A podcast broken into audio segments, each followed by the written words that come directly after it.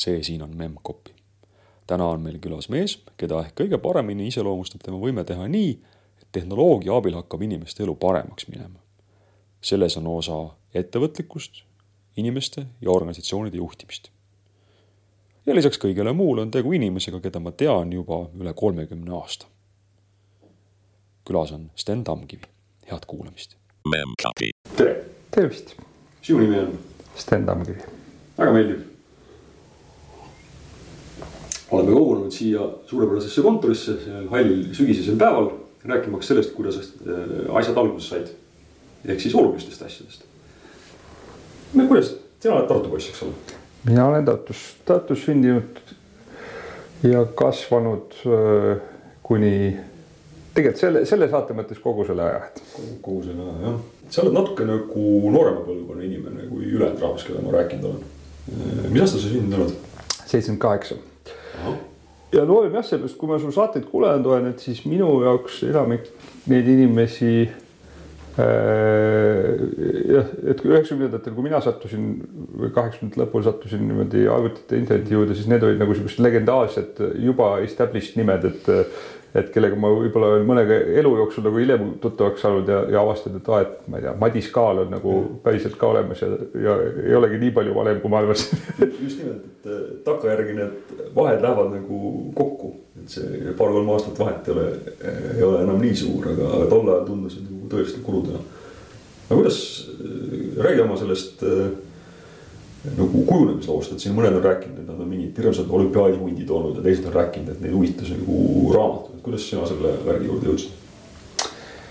mina olin, seal oli paar nagu erinevat suunda, et üks asi on see, et ma olen pärit teadlaste suguvõsast või mu isa ja vanaisa olid füüsikud mõlemad ja, ja ma kasvasin üles lapsepõlves Tartus on FI rajoon, mis on Füüsika Instituudi järgi mm., mis tähendab seda, et sul kõik lastekaaslased, kõik äh, naabripoisid, kellega sa õues mängid, et kõik on kuidagi seotud äh, tõenäoliselt Füüsika Instituudiga mm.. Ja, ja noh, ma ei tea, kui seal kaheksakümnendate lõpus, üheksakümnendate alguses Füüsika Instituudi elektroonik äh, paneb majadesse piraatkaabeldelevisiooni ja Füüsika Instituudis saad esimestele arvutitele ligi ja et kõik see nagu asi, asi oli sedapidi seotud ähm, ja teine, ma õppisin Mina Emma gümnaasiumis mm. või tol hetkel, kui ma sinna läksin, kaheksakümmend viis oli see Tartu Teine Keskkool mis noh, on mõnes mõttes nagu humanitaarsem, siukest Tartu nagu to, tolle aja siukestest esikoolidest, et nagu olid äh, Treffnevi esimene keskkool ja Mina ema oli teine keskkool. et Treffnevi palju selgemalt reaalainete kallakaga, aga siiski Mina emas ka oli selline reaalainete suund täiesti olemas ja. et Mina emas oli ka reaalainete suund olemas. Äh, sedapidi ma käisin olümpiaadil ka ja sihuke varasemaid pilte, mis mul kuskil on, ma ei tea, mingis vanemate või, või vanavanemate albumis olemas on selline mustvalge foto, kuidas keegi tõi sinna Miina või teise keskkooli algklassi laste näha kooliarvuti Juku. ja kuidas selline ka mustvalge pildi pealt on näha, et silmad juba läigivad, kui, kui lähedalt näed, et äh,. ühesõnaga FIS oli sul see esimene arvutikogemus? ma arvan küll selline, kus nagu saad nagu päris oma aega sina, sina ja arvuti, ehk siis, et nagu äh, isa pani, pani kuhugi mingil õhtul kellegi kabinetis kuskil lasi arvuti, sai nagu arvuti aega ja, ja et seal istuda.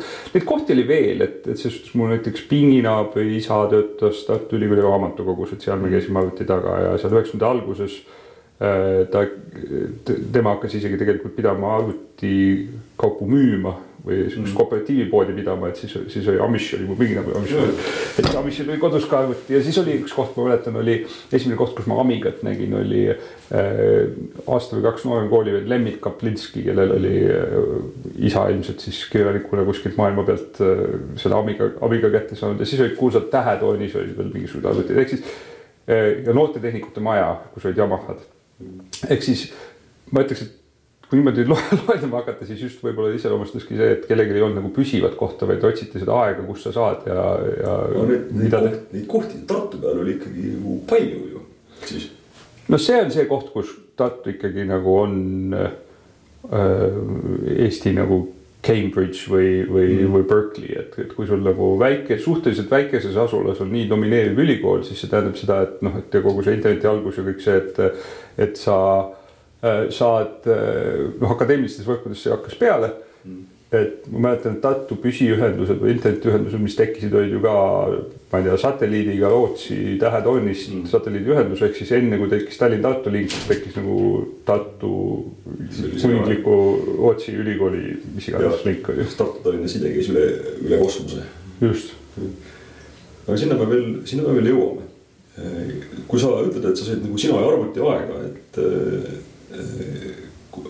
kui palju ja kuidas sa said seda nagu õpetust, et sealt nagu, et noh, mis teed selle arvutiga siis või sa lihtsalt vajutasid nuppe ja vaatasid, mis juhtub, mis see käis? ma arvan, et see muster ikkagi enamikel inimestel täpselt sama, sa alguses tahad mängida, siis sa tahad aru saada, kuidas neid tehakse, siis hakkad natuke programmeerima.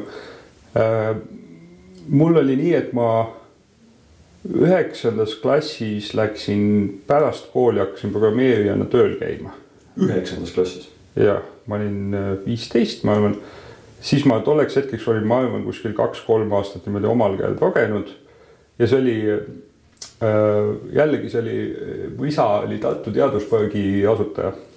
ja siis, äh, siis seal Teaduspargis tegutses nagu mitmeid tehnoloogiafirmasid ja siis ta nagu küsis, et kas ilmselt ma eeldan, et ta küsis, et kas keegi seal äh, poisile mingit kasulikku tegevust leiaks ja siis oli sihuke hull julge mees nagu Valentin Abramov, et äh, üheksakümnendate alguses teatavasti toimus Eestis ohjeldamatu metalliäri ja siis oli Tartus sihuke metallikonglomeraat nagu Primex ja Primexil oli tütarfirma nimega Primex Data, kus äh, tehti igasuguseid asju, põhiliselt pandi mingisuguseid PC kloone kokku. Mm. Uh, siis olid seal mõned inimesed, kes progesid mingit projektijuhtimistarkvara, mõned inimesed, kes progesid mingit raamatupidamistarkvara, näiteks Tarmo Tali mm ja, ja siis äh, ta palk, Valentin või Valja palkas mind nii-öelda programmeerijaks, aga tegelikult oli see selline koolipoisi nagu pärastlõuna ajaviide, et midagi ma vist progesin ka, ma ei usu, et sealt midagi üldse production'isse kunagi jõudis, aga aga, aga et küll ma seal haldasin kohalikku arvutivõrku ja aitasin mõnda arvutit kokku panna või, või hakkasin BBS-i pidama ja seal oli sellised tee, mida tahad või maailm. kõlab nagu väga mõnusa maailmana, aga selleks ajaks sul pidi ikkagi olema nagu piisavalt testikulaarset fortituudi, et nagu väita, et sa oled nagu programmeerija. sa nagu raamatute järgi õppisid, sest noh, interneti veebis ei olnud, eks ole. ja seal, seal oli, noh, ega neid raamatuid ei olnud ka ju seal päris alguses kätte saada ja selles suhtes ma kuskil nagu mingites see vist, see, mis oli seal noortetehnikute majas, see oli vist arvutiringi nime all, aga kuna ma käisin seal nii hooti või see ei olnud nagu sihuke, et sa saad sealt korraliku nagu programmimise all, alghariduse ma mäletan, et ma olen kirjutanud ka paberi peal koodi, et kui sul on parajasti see periood, kus sul ei ole ligipääsu ühelegi arvutile, aga on sul vaata, mis see A, A ja A oli mm. arvutustehnika ja andmetöötlus, andmetöötlus oli näiteks mingi aeg ja mingid, mingid sellised paberimaterjalid, siis sealt nagu üritad midagi nagu tuletada või, või teha, teha midagi mõttes valmis, enne kui sa arvuti taha saad, et see oli, vot see on nüüd läbiv joon, tundub kõigile, et, et kui me praegu räägime sellest, et kuidas õpetada lapsi programmeerima, siis nendest juttudest tuleb järjest välja, et nagu keegi ei oska öelda, kuidas nad õppisid programmeerima, et see kuidagi imbus läbi naha või läbi või õhust või kuidagi tuli külge. kuidas see nii on? Ehm, üks asi, mida ma olen näiteks mõelnud, on see, et, et eriti, mis puudutab neid nii-öelda kooliarvuteid, neid nõukogudeaegseid Agatte ja, ja, ja Yamahasid ja Jukusid. Jukusid, et seal oli ikkagi arenduskeskkond oli esimene asi, kuhu sa sisse ennast puudid alguses mm.. et suhteliselt raske oli seda arvutit kasutada niimoodi, et sa ei komistaks nagu arendusvahendite otsa. et kui sa täna võtad iPhone'i, siis sa pead nagu kurja vaeva nägema, et saada üles keskkond, millega sa saaks üldse midagi teha, onju mm. et, et see on, ma arvan, kindel sihuke muutus on ja ma mäletan, et äh, tegelikult need äh, just, et see kooliarvutite ajastu oli nagu nii palju põnev. Äh, et kui mul oli vist onu ostis endale kunagi mingisuguse laptop'i, mis oli selline noh, DOS-iga ilmselt mingisugune, ma ei tea, kompak mm.. et kui ma tal külas käies nagu seda kasutasin nagu ikka noh, tahad ikka arvutiaega ja kuna seal ei olnud ühtegi arendusvahendit, siis no mida sa teed seal, kaua sa seal mm DOS-i, DOS-i direktori puus nagu ringi nagu surfad et see väga huvitav ei ole ja tekstiredaktor on noh sihuke äriarvuti on ju. et siis ma hakkasin nagu just ükspäev mõtlema, et see tegelikult see hetk, kus ma esimest korda sattusin kasutama arvuteid, mis, kus ei olnud, mis ei olnud nagu eelkõige arendamiseks mõeldud. mäletan, sinuga seoses oli ka üks, kui me kunagi tuttavaks saime ja ma Võrus sattusin sulle külla, kus mm. said laenanud koolis suveks kooli arvutiklassist ühe kati koju mm ja, ja see oli see ekstreemne juhtum, kus, kus selleks, et üldse midagi teha, sa pidid kõigepealt Hexis sisestama ma ei mäleta, kas sa juba sisestasid basic'u koodi selleks, et saaks prompti, kuhu saaks hakata kirjutama nagu inimloetavat koodi või mingi. hullus oli see, agent oli hullus. Aga et noh, kui koolipoiss oma suvevaheajal istub ja eh, kuueteistkümnendas süsteemis koodi, siis see toksib arvutisse selleks, et sinna midagi mõistlikku saaks teha, siis selgelt see suhe selle arvutiga on teistsugune kui lihtsalt meedia tarbimine. seda, seda küll jah, et see, see rõhksõnal suhe on ilmselt jah teistsugune, et see on, see on hästi oluline asi, et eh, tol ajal nagu see suhe arvutis oli teine. ja siis kõik muu tulenes sellest, eks ole mm. -hmm. ja üks asi on veel, et, et sellel arvutite lihtsusel äh, või ütleme, piiratusel, see, et kui sul on äh, kakskümmend viis rida korda kaheksakümmend tähemärki on su nagu visuaalne mängumaa või hiljem mingisugune EGA või VGA graafika. ehk siis Äh, see teeb selle kõik kättesaadavamaks, et tegelikult nagu ka laps suudab progeda midagi, et see, sul nagu nii palju rohkem jäetakse nagu fantaasia jaoks, et kui sa, keegi progeb nagu tekstirežiimis mängu, siis see ongi nagu nii-öelda selle arvuti tipptase.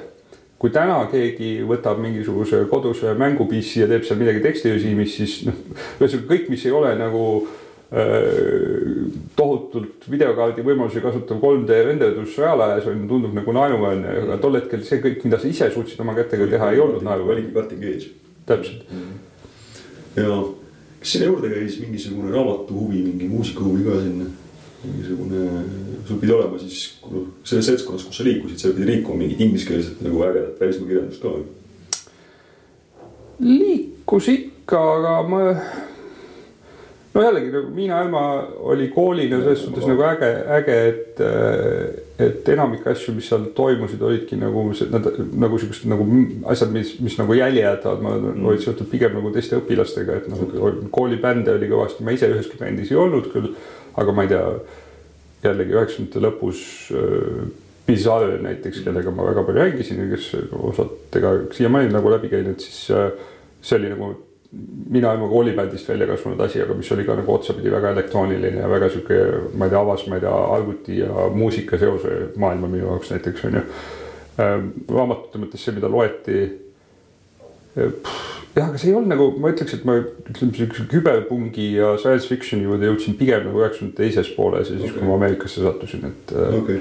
enne seda võib-olla ma lugesin pigem Kääbikut ja Tolkieni kui, kui science fiction'it. sinna Privexis programmeerijana töötasid enne, kui sa Ameerikasse läksid? jah mm., see oli üheksakümmend kolm. no mina läksin ülikooli, sina läksid Ameerikasse, aga seal Privexis räägi, räägiks sellest korra veel, et äh, miks seda soft'i selle prooviti, kas see oli nagu enda tarbeks või sellest taheti mingit äri teha või?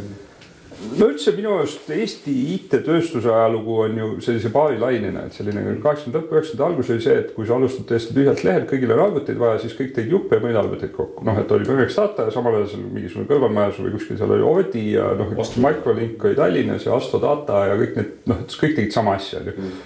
siis liiguti tasapisi tarkvarakihti, aga see pigem oli selline ma ei tea, riigil raha ei olnud, pankadel raha natuke oli, aga võib-olla huvi ei olnud ja hästi palju süsteeme arendati ise, siis tekkisid need firmad, kes nagu arendasid äh, äh, nagu teenusena tarkvara mm.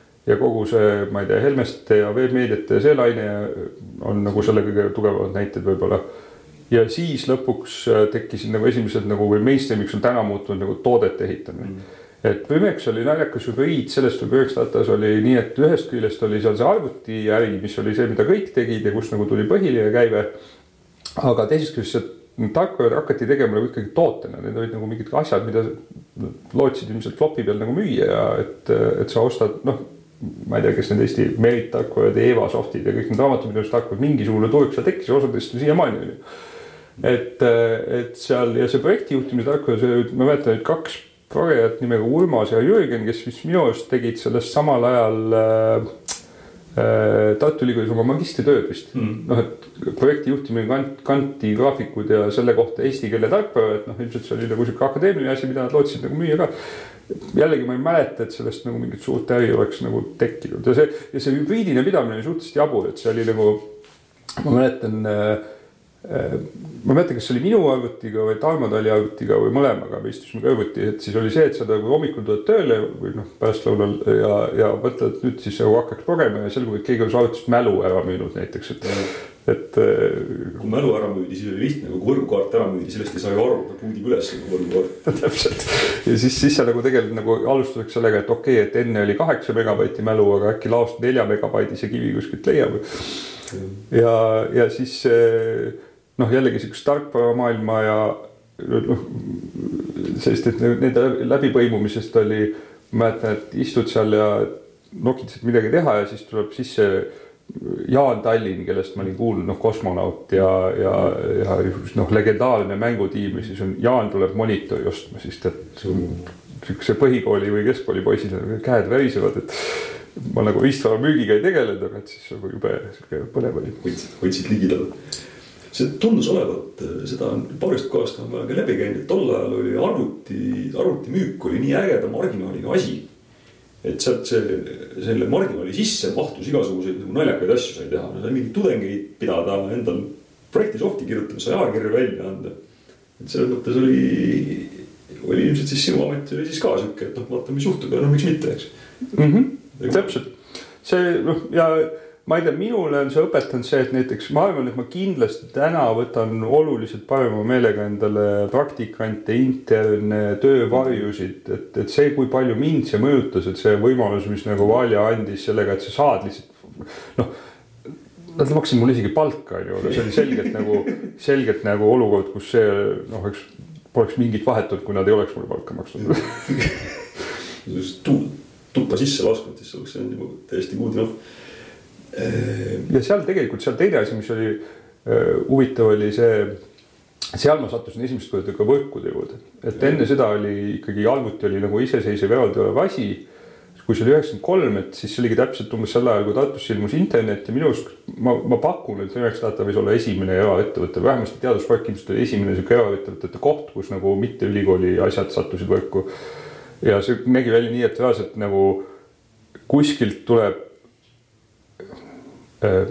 see jadaühenduses nagu võrgud olid, onju et äh, kus oli otsas terminaator, muidu see ilge seoka ja maandamata arvuti ja nii edasi, onju. Mm. kuskilt läbi seina tuleb see nagu, nagu ots on ju, sa ei tea, mis masinad veel selles jadas on, kõik on nagu ühes võrgus maja peal laiali ja siis, siis meil oli üheksakümne kolmandal aastal oli meil nagu püsiühendus interneti äh, lünksipõhine nagu veeb, enne kui Netscape välja või Mosaic mm. nagu välja ilmus äh, ühest otsast ma pidasin BBS-i Piveks Data nime all ja teistpidi oli meil olemas püsiühendus, kus oli võimalik, ma ei tea, Doom'i demo saada või Wolfensteini mingid asjad juba FTP-ga kätte ja siis panna need BBS-i üles, mis kujuta ette, et paljude teiste BBS-ide jaoks oli see kõik nagu sihuke modemiga sihuke peer-to-peer loksutamine, et mingid failid leviks, aga meil oli nagu sihuke, me olime nii-öelda pumba juures mm. -hmm. ja, ja teine asi, mis ma mäletan sellest, sellest nagu, kus need see arvutifirma ja asjad, mida nagu hobina tehes oleks hoopis teistsugust välja teinud, oli. meil oli sisevõrk, sisevõrgus oli Novelli server, millel oli kolmesaja megabaidine kõvaketas, millest noh, tööasjadeks oli kulutatud umbes paarkümmend megabaiti, noh. noh, see kood, mida seal kirjutati ja mõned failid nagu hinnakirja Wordi fail on ju ja siis, siis ülejäänud oli mingisugused Hollandi tüübid laadisid selle alati öösiti mingit tarkvara täis, seepärast et kui sa teed ukse lahti kuskil Ida-Euroopas, kus ei ole ilmselt ka intellektuaalamati reegleid ja mingisugust. juba isegi tollal Euroopas ei olnud neid reegleid nagu nii rangeid, kui nad praegu on, isegi mitte nagu ligilähedaselt, rääkimata siis veel nüüd Eesti Vabariigist. täpselt ja siis, ja siis tuulad selle läbi ja vaatad, mis on need asjad, mida nagu BBS-is nagu ülejäänud Eestiga jagada aga siis see tähendas seda, et äh, sa pidid nii interneti otsas kui BBS-i otsas ikkagi noh, et päris nii ei ole, kui sa avad avad FTP pordi, et siis sinna hakatakse kohe mingeid faile toppima, et seal pidi ikka mingi võrk tekkima, kuidas see tekkis? või noh, võrgustik selles mõttes. jah, ma arvan, et seal oli Usenet oli ja Useneti mingid uudisgrupid oli võib-olla esimene sihuke kogukondade teema, kuhu ma nagu rahvusvaheliselt sattusin. Eesti Fidoneti grupid ka ja eks no, ma arvan, et seal oli see õuelõpp ilmselt oli täitsa olemas, et kus nagu ka Eesti Fidoneti gruppides mm. arutati juba, kus nagu internetis käia ja kus keegi eh, istub, et mm., et kus nagu tarkvara ligi pääseb, kõik see, et see äh,. minu arust minu jaoks igasugused sellised äh, reaalajas chat room'id tulid nagu hiljem, et, et okay. mis, mis olid random ja, ja need jututoad, et see IRC mingites kanalites ma ka istusin, aga ma selle kohta isegi, see ei olnud, ma ei mäleta, et sealt oleks näiteks mingisugused tohutu nagu side või mingi sõpruskond tekkinud, et see oli nagu rohkem sihuke ad hoc. ühesõnaga Usenet oli see peamine võrgustiku ehitamise koht. aga kust sul tuli üldse niisugune mõte hakata PBS-i pidama, või ainult sul tööülesanne? vot see on hea küsimus. ma mäletan, ma arvan, et ma see idee müüsin küll maha sellega, et see on jube kasulik Remexide, et nagu tarkvaras võrgus nähtaval olla, onju. aga, aga pagan teab, mis, võib-olla see oli äkki see, et kuna laos oli modem, et siis mida sellega teha saab või no mingi noh, tõesti, mul kodus ei olnud arvutit üheksakümnendate lõpuni, et see ei olnud nagu asi, millega ma, ma olin BBS-ide kasutaja, nüüd tekkis võimalus siis ise püsti panna, et see oli kuidagi ju ta ikka sedapidi oli, et laos oli modem. sellega sai helistada sisse teistesse BBS-idesse, mis juba Tallinnas olid. Üks, kusjuures enne kui sa külla tulid täna, siis ma hakkasin mõtlema, et ma mäletan Fidoneti Node'i numbrit peast jätkuvalt, mis oli kaks, neli, üheksa, üks, kaldkriips, kaks punkt kaks. üks oli vist Jaan Tuulmann, kaks, see oli vist Tartu tsoon oli kaks, on ju.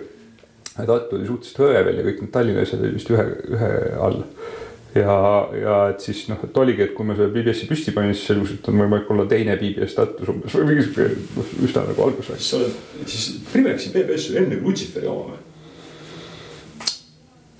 Tuleb siis nii välja. mis tavanumber oli? ma ei tea. aga ma mõtlen, Veiko tundes võis see olla kuus, kuus, kuus näiteks kui ta oma selle nime pani, et võib-olla see ei olnud nagu puhtline. okei, võib-olla jah ja siis äh, sa panid selle püsti ja, ja sul oligi üks liin ja üks modem ja. ja, ja, ja see, ma arvan, et alguses oli kahe tuhande neljasaja poodine modem hiljem oli suurem, kiirem mm. -hmm. selle kohta, kui ma olen küsinud, et mida inimesed seal oma siis selles PBS-is hoidsid, siis reeglina inimesed ütlesid, et seal oli üleval nagu äh, asjad, mis nagu endale nagu kasulikud tundusid mm, -hmm. endale nagu huvitavad tundusid mm. -hmm. inimesed tõmbasid, tõmbasid need kuskilt alla, siis tegid teistele ka kättesaadavaks. mis sorti kola sul seal oli? ma arvan, et seal oli, oli suhteliselt kaootiline see värk, et äh, huvitav, kas selle failist oleks kuskil alles. selles suhtes seal oli ilmselt mingisugune äh, noh, mingi mängude teema, siis mingisugune utility te teema oli kõigil on ju, et noh, sul alati oli noh, jällegi ressursi kitsikuses on mingid asjad, mida, mis alati oli nagu huvitav ja vajalik ja kiiresti arendada tehnoloogia, näiteks pakkimisalgoritmid on ju, et, et ja. alguses on sul, ma ei tea. ZIP ja A ja siis tuli midagi uuemat, et, et noh, siukese utilities nagu asjad, pluss nendega, ma mäletan, nendega oli see rõõm, et need olid väiksed on ju, et neid sai kiiresti liigutada, et siis kui midagi uut tuli, uut noh. ja see, ja see oli ka nagu see oli ka osa sellest, kui sa masinasse kuidagi said, siis, siis alati, oli vaja sinna mingisugune pakk ja Mm -hmm. siis mäletan, oli mingi asi, mis DOS-is äh, mäluvõimalust kasutada, mingist mm -hmm. mälupiirangutest mööda saada mm -hmm.. niisugused rutiinid oli vaja kohe käima panna. see oli nagu praktiliselt kasulik, eks. täpselt. jah, ja, ja, ja Fidoneti gruppide mõttes oli ka ju ikkagi noh, tegelikult ruum oli ju ikkagi kallis ja, ja see modemi aeg, et siis, kui sa vaatad, et sul mingisugune öine meili sünkimine on läinud jälle mingiks tunniajaseks, et siis, siis jälle vaatad, et võib-olla kõiki neid gruppe pole vaja, mida ise ei loe või noh, see see pool oli ka, et sa nagu reaalselt käid üle. seda vaatad vahepeal, et mis. palju sa, palju sellest nagu aimu oli, et kes sul seal küljes käivad, kes nagu lugemas käivad? Lihtsalt mingid numbrid helistavad ja?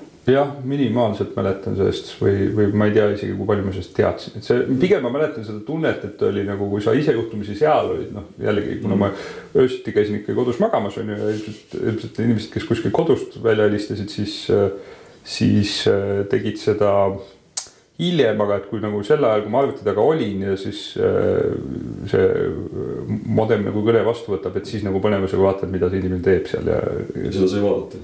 seda sai vaadata jah, mis oli mingi, ma ei mäleta, kas see oli juba tol hetkel oli äkki Windows või oli see OS kaks, millega ma katsetasin, aga mingil hetkel ma sain nagu siukse, vist OS kahel sai jooksutada nagu DOS-i virtuaalmasinaid või mingisuguseid mm. DOS-i programme kuskil aknas, et, et mul oli multitask'is asi taustal, et isegi kui ma tööd tegin ja teine, teine asi, mis meil oli, oli väljahelistamine, et seal alguses oli äh, minu arust istus Tartu Teaduspark äh, kõige, Tartu kõige vanema telefonijaama taga.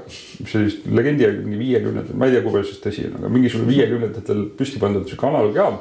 ja siis me üritasime ikkagi seda nagu lahti häkkida ka nagu ühte ja teistpidi.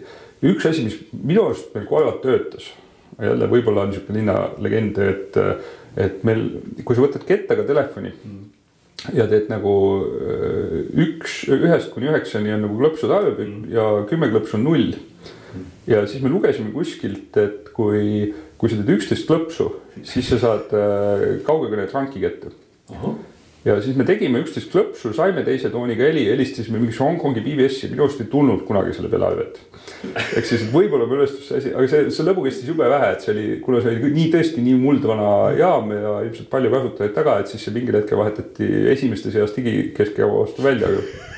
aga korraks oli sihuke no ma ei tea, jällegi üheksakümnendate lõpus, kui ma mingisugust häkki või ajakirju esimest korda nägin mingi kaks tuhat kuussada ja mm., ja et siis neid lugema hakata ja siukest nagu USA üheksakümnendate, kaheksakümnendate lõpu, üheksakümnendate phone freaking'u laine, et me saime nagu korra seda. korraks oli Eestis ka relevantne. teine, teine asi, mis töötas kindlalt, oli see pooleaastane periood, kus äh, Eesti Telefon juurutas äh, džipiga, kaardiga telefoniautomaadid. kus sai kinni teipida ühe klemmi ja tasuta helistada et äh, see oli ka üks korralik äh, tehnoloogilist, tehnoloogiliste noorte rõõm, et. kust te seda teada saite, kust need kuradi kahe tuhande kuuesajad siia sattusid? Äh, ma arvan, et osa neist hakkasid jällegi, et kui sa Fidonetis nagu saad esimese ringi peale Eesti gruppide lisaks tellid nagu mõne, mõne rahvusvahelisema USA grupi või siis kuskil Usenetist sihukese häkkeri grupid, et seal hakkas, osa neid asju oli nagu ASCII tekstina lihtsalt nagu. paberkoopi, aga, aga.... paberkoopiat ma nägin siis, kui ma USA läksin mm.. ja siis ma olin tõesti šokeeritud, see oli nagu jälle sihuke nagu, ma ei tea ilmselt mingitel usklikel on see, et kui sa satud, satud mingisuguse piibelliku teksti originaali juurde, et siis kui sa nagu raamatupoes näed, et see asi on paberil ja füüsiliselt ja värvilisena olemas, et see oli nagu. jah, täiesti. aga siis sa sattusid Ameerikasse vahetusüliõpilasena, see oli keskkooli ajal kunagi. ja, ja et mitte üliõpilase, vaid lihtsalt äh, ma tegin äh, avalduse Rotary klubi vahetusprogrammi, millel on sihuke nagu noh, ankeet oli hästi selle keskne, et et mis sa teha või noh, nagu et aru saada, et kes see nagu kooliõpilane on ja Rotavi vahetus on selline nagu kahesuunaline, et nagu, et üks klubi saadab kuhugi kellegi kuskile välja ja siis samal ajal võtab mujalt vahetusõpilasi vastu. aga see, kuhu nad välja saatsid juhtumisi, ma ei tea, kas sellepärast, et mu see ankeet oli nii nagu arvutiasjade keskne, aga et ma sattusin öö, oma nagu üheteistkümnenda klassi siis öö, Eesti mõttes sattusin äh, Silicon Valley keskele. ehk siis äh, sihukeses õrnas eas elasin aasta aega Cupertinos, mis on see linn, kus on Apple'i peakontor ja ja käisin Monta Vista High nimelises keskkoolis, mis oli jällegi nagu noh, paljude juhuste kokkulangemisel USA-s oli Äh, just oli see mingi information superhighway mingi hullus puhkenud ja Al Gore oli eelmisel aastal enne minu sinna kohale jõudmist oli USA-s koolitanud viis kooli nagu interneti pilootkoolideks ja see oli üks nendest. et see oli põhimõtteliselt sa asud nagu Apple'i Apple'i peakontorist mingisuguse paari kilomeetri kaugusel ja sul, meil oli, kui ma ette mäletan, siis oli koolis oli tuhat nelisada õpilast ja kaheksasada arvutit äkki või. ja selgus, et arvutilaboris assistent olemise eest saab nagu ainepunkte või et sa võid nagu ühe tunni asemel iga päev istuda arvutilaboris on ju. kus olid nagu Macid ja Sunny, Silicon Graphicsi mingid asjad ja ja, ja Yahoo'd kasutasin ma aadressil yahoo.cs.stanford.edu ju, et sest, sest see ei olnud firmaks muutunud ühesõnaga sattusid eh, põhimõtteliselt paradiisi. põhimõtteliselt küll jah, et see, see kindlasti on ka nagu tohutult eh, mõjutanud seda, mis, mis edasi saanud aga kuidas sa nagu toime tulid sellega, sa ütlesid, et ma, ma saan jumala aru, et see võtab nagu jalust nõrgaks, kui sa tuled nagu Nõukogude Liidu Vabariigist sisuliselt. satud kuradi niisuguse kohta, kuidas sa toime tulid sellega? Hea küsimus, see oli mu esimene lend Eestist välja oli nagu USA niimoodi üksi. jah, ja ma arvan, et vanemad nagu raha laenu, mõtlesid lennukipiletit saaks lubada ja see kõik nagu ilmselt nende poolt ka nagu üsna hullumeelne. Ähm, aga, aga see oli, ütleme, ütleme nii, et ega sa ette, noh, see on nagu vanemate asi muretseda, ega sa ise, ise sellises vanuses nagu lihtsalt teed ja lähed ja oled ja, ja oled nagu niisugune käsn ja võtad kõike mm. seda sisse, mis tuleb. no koolikogemuse mõttes oli see, et kui sa Eestist tuled ja kui sa oled nagu niisugust matemaatika, füüsika huviga ja, ja nagu vähegi nagu noh, olümpiaadil käinud nagu natuke mingit niisugust sihukest elu elanud, et siis ei, ma võtsin, olles seal üheteistkümnes klassis, ma võtsin kõik reaalained olid mul kaheteistkümnenda klassi honors taseme ained ja ma olin kõik selle Eestis juba läbinud, ehk siis okay. koolisüsteemid on nii palju erinevad. see, mis oli teistmoodi, see, et sa esimest korda elus pead minema mitte lahendama ära üksiküritajale oma testi tulemused, vaid, vaid sa pead moodustama grupi kolme inimesega, kellega sa ei ole enne koos töötanud, midagi koos välja mõtlema, minema klassi ees selle ette kandma, mis sa tegid. ehk siis see nagu õppeviis või nagu need kõik need asjad, mis tegelikult jällegi Äh, noh, et, et Eestis nagu sihukeste reaalainete tugevus oli olemas, need asjad olid kõik, mida ma seal pidin tegema esimest korda, et pigem seal oli sihuke eba, ebamäärasem see värk. ja noh, see ühiskondade kontrast oli küll, et nagu, et ise tuled, äh, mõtlen, kui, kui ise ma olin enne seda juba nagu tööl käinud ja siis sinna jõudes ka väga heasoovlikud klassivennad vahest küsivad, et kas tal Eestis telekaid on, on ju. noh, et see nende arusaam sellest, mis, mis seal raudse eesriide taga nagu toimus, oli nagu üsna hägune. ilmselt, ilmselt mõlemat pidi. aga sa, sa, ma saan aru, sa käisid ka tööl seal ju või vähemalt nagu. ma ei tohtinud seal tööl käia, see oli nagu see vahetusõpilase. käisid, käisid tegemas kuskil. just, et siis ma sai, ma ei tohtinud seal tööl käia, siis selgus, ma alguses, see kurvastas mind väga. aga siis ma sain aru, et seda jälle defineeritakse läbi palga mm -hmm.. eks ma käisin mingisuguses arvutipoes nagu pärast kooli seal abiks Äh, ma ei tohtinud palka saada mm. -hmm. ja siis pärast kui ma sealt Eestisse kolisin, siis arvuti poolt kinkis mulle arvuti. mis oli ilmselt mõlemapoolselt kasulik. just, et see, see, see oli see lahendus, mis ma leidsin sellele, aga noh, see oli sihuke äh, ütleme äh, noh, kuidagi seal see asi oli nagu noh, tõesti pigem käsitleti nagu koolipoissi, kellel lubati arvutit kokku panna, et see seal nagu see IT-äri oli nagu palju reglementeeritum kui see, mis nagu Eestis samal ajal toimus juba. just tahtsin öelda, et ega see vist väga nagu tööks nii, nii kvalifitseerunud, mis sa tegid seal. ei, ja aga teine asi, mis mul praegu meelde tuli, mida ei puudutanud, oli, mis, mis me enne alustasime, see, et, et meil oli, tekkis sihuke rühmitus äh, nimega Interactive Aspelungs äh, mis juhtus ka, ma arvan, seal üheksandas, kümnendas klassis olin mina Mark Tehver, Kristjan Jansen ja Alavi Aho natuke hiljem, äh, kes äh, Mark ja Kika olid Treffneris, mina ja Alavi olime Miinaemas ja Mark on ilmselt ütleme, mis, mis mind nagu, miks ma ei ole täna programmeerija, oli see, et mul ju õnnestus väga noores eas, õrnas eas näha lähedalt inimesi, kes tegelikult oskavad programmeerida ja Mark oli nagu juba tol hetkel nagu koolipoisina oli, oli inimene, kes hommikul hakkas tekstifaili assemblerit kirjutama ja õhtul pani seal käima ja see töötas, onju. kirjutas näiteks mingisuguse graafikamootori või midagi. ja, ja see sümbioos, mis meil tekkis seal oli sellest, et Mark äh, proges, Kika disainis äh,, mina äh, korraldasin asju, mis võis tähendada mida iganes, alates sellest, et äh, Femexist laenata sound, Soundblasteri kaart, et Mark saaks ka sellele audio driver'i kirjutada. Ja Alavi Aho tegi muusikat ja see toode, mida me ehitasime arvutimäng nimega Drunkard. ja, ja siis minu see,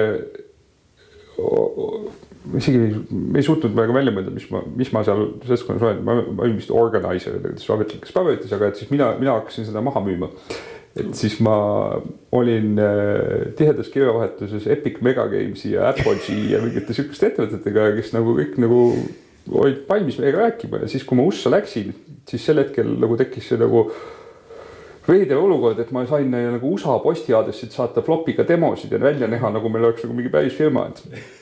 et see kõik nagu, me panime paari aastaga, esiteks kooli kõrvalt me ei teinud seda asja lõpuni valmis, et demod olid olemas aga, aga me panime paari aastaga selles suhtes nagu mööda, et, et me kirjutasime 2D platvormikat mm., mis ilmselt nagu üheksakümmend üks oleks nagu lennanud nagu see taseme juures, mis Mark ja Kika nagu, nagu kokku töötasid, oleks olnud ilmselt täiesti vabalt nagu müüdav täpselt nii nagu Blue Mooni kutid enda mänge maailma viisid mm aga, aga me komistasime täpselt sel hetkel, kui meie saatsime demod, siis vist oligi vist kas ID Software'i, kas Wolfenstein oli juba väljas ja Doom tulemas või midagi sellist, ehk siis nagu ütleme, see mis me enne rääkisime ka, et see graafikatase läks sinna, kus see. Pseudo 3D juba, juba tuli, eks. just ja Tartu koolipoiste platvormikas ei paistnud nagu, nagu säravalt ja nagu silma, aga põhimõtteliselt see asi isegi nagu töötas. See ikkagi ise mängu kirjutamine, mina mäletan tol ajal tundus hästi nagu hoomamatu ettevõtmine, sellepärast et sul on mingisugune muusika, mingid mälud ja mingid asjad ja sul mitu thread'i käib ja muusika mängib taustal ja kuidas sa seda teed juba hoida oi, seal oli noh, teine asi oli see, et vaata kõik iga mängukirjutaja, isegi tänapäeval, aga tol hetkel iga mängukirjutaja, sa alustad sellest, et sa paged endale töövahendid on ju mm., ega sa ei saa ju, sul ei ole tööistuseks levelit disainida või mm. mingisugused noh, sul tracker'id, tracker'id sellise nelja või kaheksa kanaliga taustamuusika tegemiseks olid olemas, mida jällegi Blue Bull tootis. aga, aga ma ei tea, leveli disainimiseks või, või, või isegi mingisuguste noh, et sa võid kasutada mingit pildi editori, et teha sprite valmis, aga kui sa sprite'i anime, animeerid, siis selle jaoks nagu sa pead jälle mingi oma töövahendit tegema, et meil oli kogu see stack oli nagu olemas, et. no aga, aga miks sa seda tegid, kas tundus lihtsalt nagu äge või oli mingisugune motivatsioon rikkaks saada või? See tundus ikka äge lihtsalt, ma arvan. Mark, Mark ja Kika tegutsesid enne, jällegi peaks küsima, kuidas me kokku saime Äh, Kika mingi paar aastat tagasi, ma ei tea, ta vist võttis selle maha, aga paar aastat tagasi ta oli kokku kogunud kõik meie tolle hetke kirjavahetuse, pani selle avalikku internetti ja kõik nagu pildifailid ja mis meil tollest hetkest olid, siis, siis mul oli sihuke, see oli juba meil hea mitu aastat tagasi, et siis oli korra sihuke nostalgia rännak. aga, aga neil oli juba hoog sees, seal oli mängu taustaloos oli ka mingi, ma mäletan, et see Trankart, kes pidi korjama, et oluline, et ta veres alkoholi tase ei langeks siis selleks pidi ta korjama pudeleid, siis ta sai tühjade pudelitega loopida ja olid mingid olukorrad, kus ta pidi natuke ajutiselt saama kainemaks, siis neil oli seal eh, Maiki ja Kika üks klassivend Treffneris olid, kui ta koolipeol liiga palju õlut jõi, siis ta hakkas kükke tegema, et kainemaks saada, siis Trankatiga sai ka noolt hoiad alla, siis ta tegi kükki ja alkoholi tase veres langes. Sellised olulised asjad. no ja, ja seal mingisugune loovuselement oli sees, sest päris niimoodi jooksmine ja kirvestega loopimine nagu polnud. meil mingi idee oli täpselt, meil mingi idee oli, et, et me tahaks teha mängu, kus ei käi nagu tulistamine ja tapmine ja mis oleks nagu selgelt nagu teistsugune. Äh, ja ma ei mäleta, kas kui teadlikult me seda mõtlesime, et see nagu täitmata foolish, et, et nii-öelda täiskasvanute mäng, mida muidugi ala, alaealiste, idaeuroopalaste alaealiste. arusaam sellest, mis asi on adult entertainment on mõnevõrra teistsugune kui adultidel. see ka selgelt vastas üheksakümnendate Tartule ja, ja olid, oli, oli nihuke aeg. Äh, seal Californias midagi veel huvitavat tegid?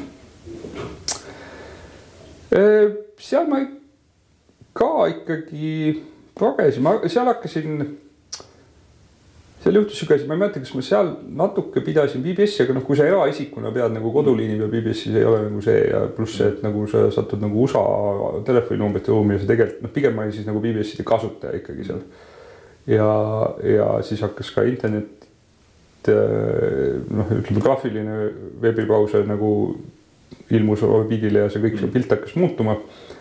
ma kirjutasin seal ka ühte BBC soft'i. sihukese hobiprojektina tundus, et see võiks olla noh, jällegi see, nagu sageli teed, et nagu, et kui sa mängu ei proge, et mis on see asi, mida sul endal vaja on, siis ma hakkasin seda kirjutama. selle käigus vist juhtus niimoodi, et ma ma uurides, mis seal veel nagu turu peal on, leidsin ühe ägeda BBC soft'i, mis mulle meeldis mm.. mis oli shareware ja kinni keeratud. ja siis, äh, siis äh, ma murdsin selle lahti. Et nagu sellise noore häkkerina nagu, et noh, midagi nagu sihukest komplitseeritud, aga et sa jooksutad seda asja dibageris, dibageris ja vaatad, et kui kui imelike ootamatute kohtade peal hüpatakse mingisuguse mälus mingi aadressi peale, tehakse seal üks mingi väga lihtne tehe ja siis sa lihtsalt nagu, nagu masinkoodi tasemel muudad ära, et sinna jaama hüpatakse, siis ootamatult selgus, et oligi koopiakaitse maas. siis ma raporteerisin selle autorile, et, et muide, et selle saab niimoodi maha võtta. siis ta andis mulle eluaegse tasuta litsentsi ja see võttis mul oluliselt võtti maha, et oma BBS-i soft'i kirjutada, sest mul oli see nagu olemas aga, aga ja teine asi, ma mäletan, see oli ka õudselt hea õppetund äh, jällegi sihukest enda tasemest progejana, et, äh, et ma kohutavalt abstraheerisin selle asja üle mm. -hmm. et, et kui sa nagu kirjutasin C++-is BBS-i, kus ma katsusin hoida väga puhtalt erikihtidena näiteks seda, et, et kuidas käib modemi handle imine, kuidas käib terminali handle imine ja mingid asjad. nagu olles valmis igaks üheks tulevikuks, et sul neid asju, millega sa liidestuda mitmeid ühesõnaga, siis ma ei saanud nagu jube, jube kaugel olin kogu aeg sellest, et see asi nagu minimaalses skoobis töötaks, et siukese hilisema elu tarkvaraarendusprojektideks väga hea õppetund no,. mõned inimesed ehitavad terveid panku niimoodi siiamaani. täpselt, kunagi valmis. aga võib-olla see, noh, et see, et ma täna rohkem startup idega tegelen, ongi nagu MVP on nagu kuidagi arusaam, et see, et pigem näeks nagu vähem, aga varem. ja, ja said kogemuse kätte. ja siis sa tulid sealt Ameerikast tagasi, kaasas arvuti ja raamatud. jah oligi umbes siukesed paar kasti olidki. mis sa siis tegid? siis ma läksin tööle, siis ma läksin keskkooli edasi onju, kaheteistkümnenda klassi, aga, aga siis mul oli juba natuke roog sees, et siis ma läksin tööle, tööle sellisesse firmasse nagu Triip. mis oli Tartus selline algselt trükikoda ja disainibüroo, aga kuna see, see disaini osa ja mul oli eluaeg kuidagi nagu äh, isegi siis, kui ma nagu progesin, mulle alati meeldinud nagu see, kus on nagu äh, tehniline osa ja visuaalne osa või kuidagi nagu kokku saavad, et ma olen mm. eluaeg kõik asjad, mida ma olen teinud, ma olen alati töötanud koos progejate ja disaineritega hiljem on ju, et ja tol hetkel ka ma ise ah,, USA-s üks asi, mis me veel tegime, oli see, et et mäletad, olid siuksed kunstirühmitused.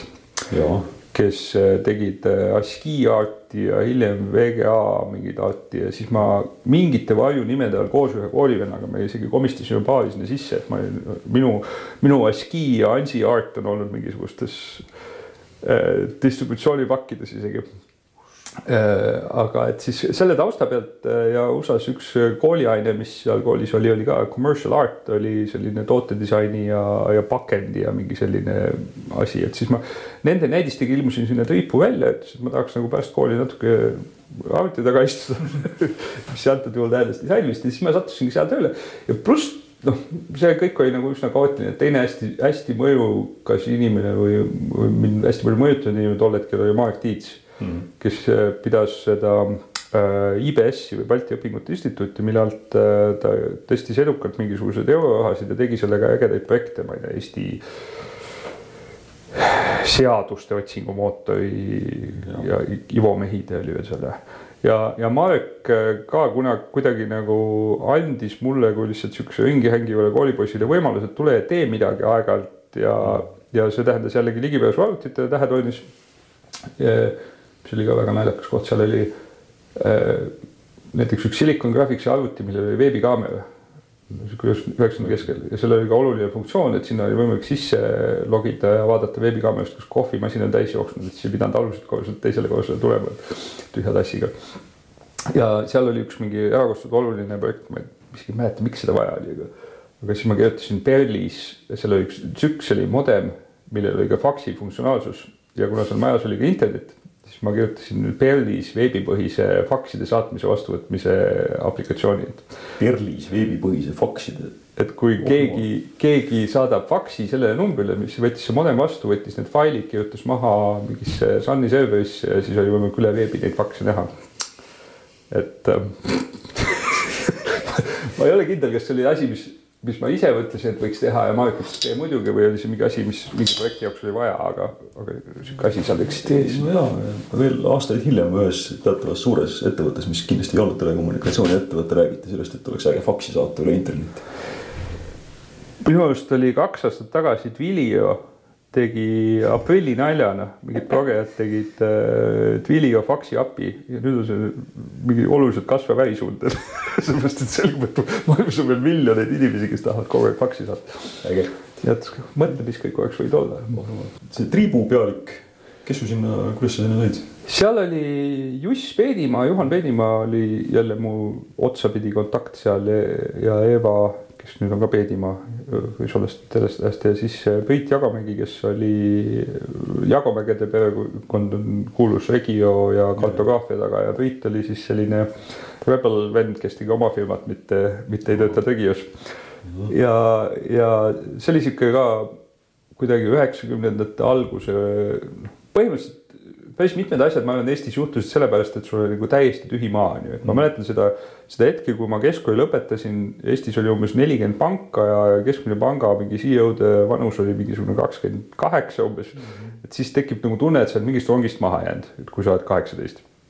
kümme aastat on ju vahet. just ja, ja, ja see tehnoloogiaettevõtlus ja internetiga seotud, et see ettevõtlus, see oli tegelikult see laine, mida me tol hetkel ei teadnud, kuhu me maandume mm aga mis, mis selgelt oli see, et ei olnud ronge läinud, et me saime oma rongi ehitada, on ju.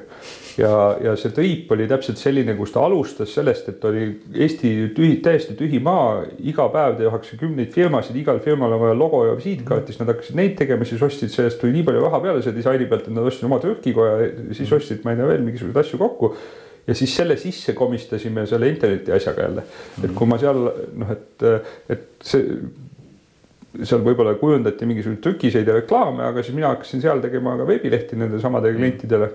ja siis sealt kasvaski välja, et kui ma keskkooli lõpetasin, siis ma läksin triibust ära ja tegin oma esimese ettevõtte, mis siis tegeles nagu full time veebiga, mis oli siis Halo on ju. jah, oli küll niisugune. ja siis saime meie tuttavaks jälle siis... või mitte tuttavaks, vaid nagu töiselt. töiselt tuttavaks, me teadsime juba ammu varem. Ühesõnaga see, kuidas Halo sündis, see on veel nagu veel see kasvab. eriti keeruline lugu, ma mäletan ühte praegust prominentset tooteproduktsiooni ettevõtjat meil projektijuhina töötamas. ja kui saabus klient, siis olid projektijuhist ainult näha laua all talksaapad, mille sees oli projektijuht, kes magas. oi, seal oli palju, seal. ühesõnaga. seal oli ka ilusamaid mälestusi veel, et kui lähed kontorisse hommikul ja siis äh, vaatad, et üks disainer tuleb valgete lihade vahelt välja ja siis selgub, et ta tõsteti juba kolm kuud tagasi ühikast välja. aga lihtsalt mina arvasin, et ta kogu aeg esimesena tööl ja lahkub viimasena tegelikult ta lihtsalt elas seal. nojah, aeg-ajalt, aeg-ajalt tuli ette, et üheksakümnendatel Tartu oli, oli mõnevõrra teistsugune nagu startup'i keskkond kui praegune, praegune Tallinn näiteks. Ehm, aga kui sa rääkisid, et, et tekkis võimalus nagu oma rong ehitada kas sul oli siis, kas sul oligi sihuke selge visioon, et vot tuleb nüüd laine ja ma lähen sinna laine peale ja nüüd noh, see on oluline asi, mida teha. või sa lihtsalt kuidagi tegid seda, mis nagu mõnus tundus? no ettemõtlemist oli selgelt liiga vähe, onju, mm. et seesama Alo läks ikkagi nelja aastaga pankrotti ka, sest ega nagu mingi piirini on nagu on võimalik ehitada, ehitada asju intuitsiooni pealt, aga mingil hetkel peaks nagu arvutama läbi ka või mõtlema, et mida sa teed. et, et see oli see oli noh, mingil määral oli selline see avastus, et, et see asi, mida inimestel vaja on või nagu suurtel firmadel näiteks noh, et kes nagu Halo kliendid olid ja seal Triibus juba hakkasid kliendiks saama, et et nagu täiesti, kes on kes, kõik mingisugused suured pangad, mingisugused äh, rahvusvahelised brändid, kes olid Eestisse jõudnud, ma ei tea, mingi Audi või, või ESS, mis tol hetkel tohutult kasvas, on ju, et mingid siuksed nagu kaubamärgid, mida kõik teadsid ja siis nad on valmis nagu, et see internetivärk oli nende jaoks nii arusaamatu, et sinu jaoks on see intuitiivne ja lihtne ja nagu milles siis probleem on, teeme ära. ja siis need nagu suured kaubamärgid on nõus nagu alla neelama selle, et nad ostavad mingite kaheksateistaastaste, üheksateistaastaste Tartu kuttide käest teenust ja noh, ei osanud me seda hinnastada, on ju, et noh, et iga kord mõtled, et kurat, see number kõlab nagu liiga suur, et ei tea, kas nad selle noh, kõik nagu alguses toimis nagu, nagu liiga hästi ja liiga lihtsalt.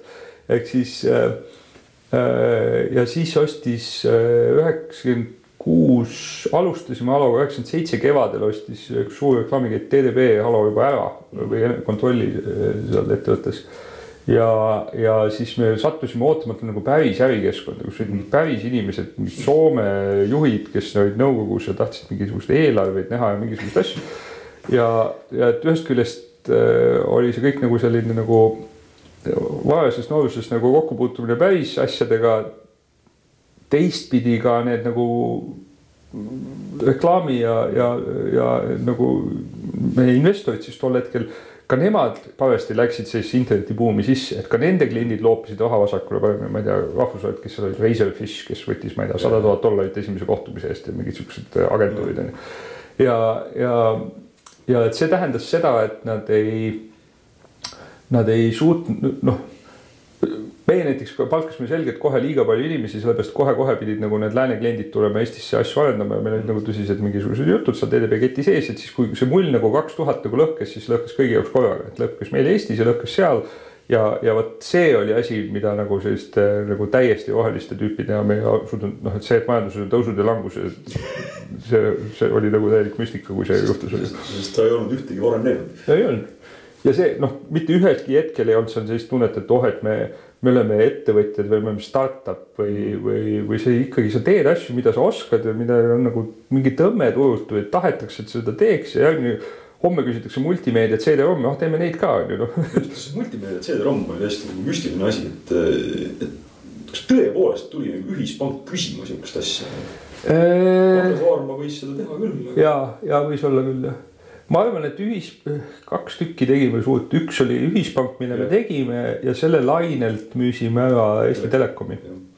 ja see idee oli selles, et äh, kuulge, et varsti on aasta kaks tuhat ja mis te oma aastaraamatut paberile trükite onju. tegid CD peal? ma mäletan, üks neist maksis, ma ei mäleta, kumb maksis kakssada tuhat Eesti krooni selle eest hästi. aga teisest küljest täna mõtled viieteist tuhande euro eest ja sa ei saa ühtegi paget liigutama Eestis. koostöös välja. absoluutselt mitte mind, mis mind tagasi vaadates seda kõige rohkem hämmastab, tõenäoliselt sind ka on see, et võib-olla siis sind ka, et, et, et teadmata midagi ei versioneerimisest, ei testimisest, ei mingit süsteemsest. siis me kuidagi suutsime punuda mingisuguse soft'i, mis enam-vähem töötas ja meil oli nagu häbematust see kliendile ära tarnida ja klient maksis arved ära. see on ju. seal oli üks asi, mis äh, ma olen nagu mõelnud paar korda, on see, et äh, et nii nagu vaata, et see kahe tuhanded või see üheksakümnendate internetilaine peal kogu aeg räägiti uuest majandusest on ju. ja mm -hmm. hästi palju oli neid kohti, kus nagu arvati, et uus majandus ei allu vana majanduse reeglitele. mõnes asjas ei allu ka nagu turu suuruse mõõtmine või noh, et füüsiline kaugus ja mingid asjad. aga, aga mingites põhiasjades ikkagi nagu, et tulud võiksid ületada kulusid nagu allub on ju ja, ja siis samamoodi nagu sihuke vastandamine, et e-kommerts ja päriskaubandus ja et noh, et kõik nagu kuidagi esitleti eraldi. et minu arust me tegime mitu aastat nagu seda äri nagu selle koha pealt valesti, et me mõtlesime, et see veebi ehitamine ei ole nagu tarkvaraarendus mm.. tegelikult meil ei olnud seal tiimis keegi, kes oleks nagu mõelnud ühegi veebisaidi ehitamisest nagu tarkvaraarendusprojektist või lugenud mõne raamatu selle koha pealt nagu, mm. et kuidas suurt projekti ehitada, mulle tundus, et see veebivärk, see HTML-i värk on nagu nii lihtne. et siis, kui sa kogemata ehitad sinna taha ka mingi sisuhaldussüsteemi, mida me üritasime seal tootestada ja mingid asjad mm, -hmm. siis sellel hetkel oleks pidanud nagu üle minema. ma arvan, et tagantjärgi näiteks see, mis Taavi Kotka ja Webmeedias tegi, on ju, et nad hakkasid mõtlema oma tarkvaraarenduse protsessi peale, oli see, mis nagu hoidis neid nagu elus, nad alustasid vist isegi natuke hiljem aga, aga, aga nad nagu kiiremini hammustasid selle läbi, et kui nad lähevad suurt maksuameti infosüsteemi tegema, siis ei peaks nagu seda veebilehena käsitlema onju. ja me ehitasime ikkagi veebilehtesid.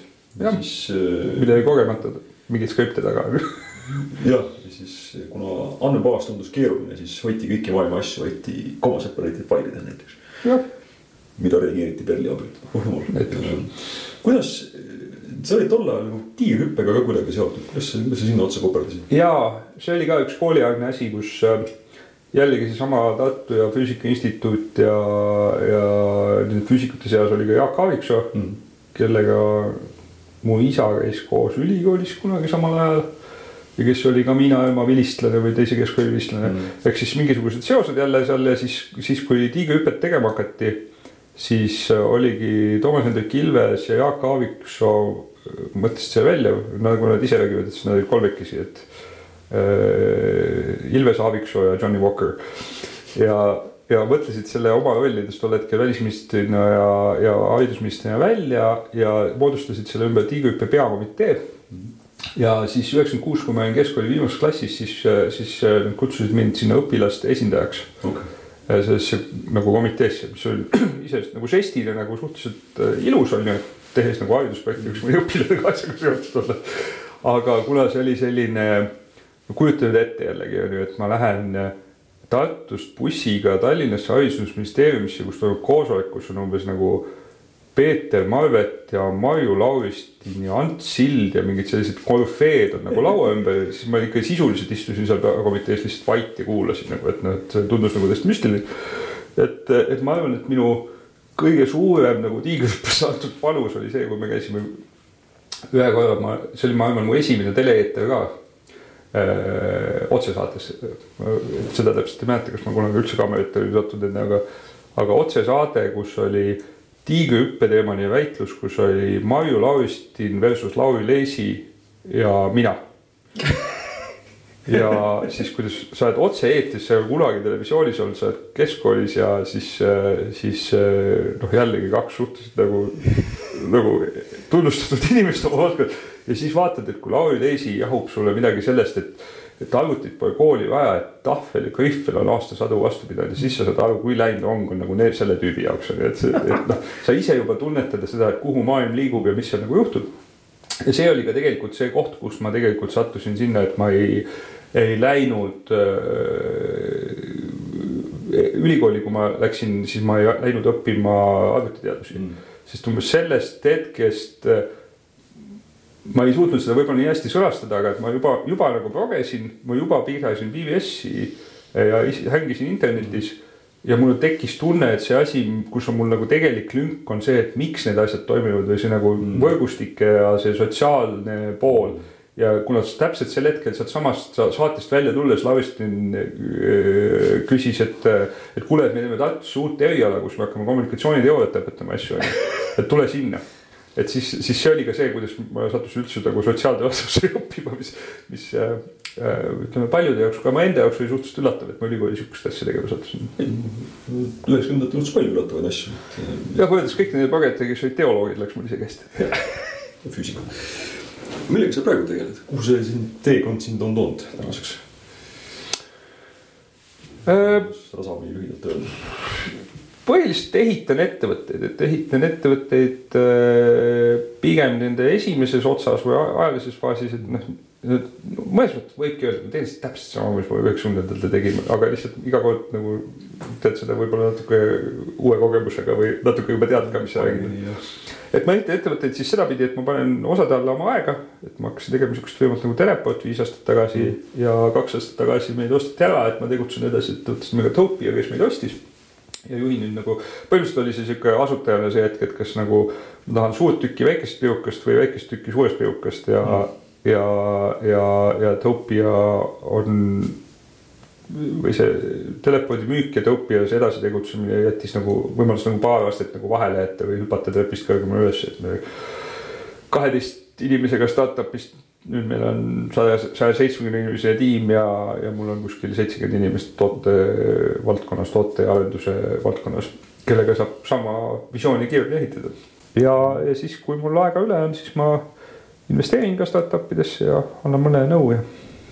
mõne tassi, mõne pudeli. jah, et põhiliselt ma olen, noh, see sarnasus üheksakümnendatega on see, et selleks, et, et ma tean täpselt, mida ma suudan üksi ehitada mm.. on see siis BBS-i soft või mitte? Ma tean, äh, mis väärtus ja mis võlu on sellel, kui, kui proge ja disainer ja äriinimene koos mingit asja teevad ja mida siis saab valmis teha, alates siis arvutimängust Rankad või, või, või mingitest veebiprojektidest Halos. ja ma tean et ma ei taha kunagi elus müüa oma aega tunnipõhiselt, sest neid on tunde lõplik hulk. järelikult tuleb ehitada tooteid, ehk siis see on noh, see läheb juba selle, selle ajalise aknaskoobist välja, aga see hiljem Skype'is nähtud asi, et kui sul. kui sul paar inimest ehitavad mõne kuu mingit asja, mida kuu aega hiljem kasutab miljon inimest, et siis. siis asi, mida nagu see üheksakümnendate selline rahmeldamine võib-olla õpetas, oli see, et et asi, mida ma alati otsin nüüd on, on see, et kus sisse pandud töötundide hulk konverteeruks võimalikult suureks väärtuseks. et tol hetkel kippus ikka väga palju olema, et kui sa nagu puht õhi, õhinapõhiselt üheksakümnendatel tegid, et noh, tõesti, et oleks kõik neid samu asju teinud ka siis, kui oleks palka saanud, on ju. et, äh, et siis, äh, kui sa müüd oma töötunde, siis sul on lihtsalt nagu väga pikad päevad, väga lühikesed ööd ja, ja noh eks oli neid tüüpe, kes seal üheksakümnendatel nagu väga läbi ka põlesid, on juba, juba kohe, osad põlesid hiljem, aga mm ja siis olid näiteks, ma ei tea, kes olid seal legendaarsed mehed nagu näiteks väga austan sellest ajast oli Taavi Talvik näiteks mm. on ju, et, et kui sa nagu oma samade tausta ja huvide pealt ehitad nagu unineti, kus ongi, et sa võid ka magada ja nagu mm. bitid müüvad ennast ise on ju et, et, et see, seal on jälle nagu, see oli küll selline nagu teenuse infrastruktuuri äri, aga seal oli see nagu alge olemas, et kuidas sa ehitad mm. midagi, mis nagu saab hakkama ka siis, kui sina ei ole seal näpupidi juures kogu aeg. jaa see on väga õpetlik ja väga tore lõpp meie jutuajamisele, aitäh sulle. aitäh.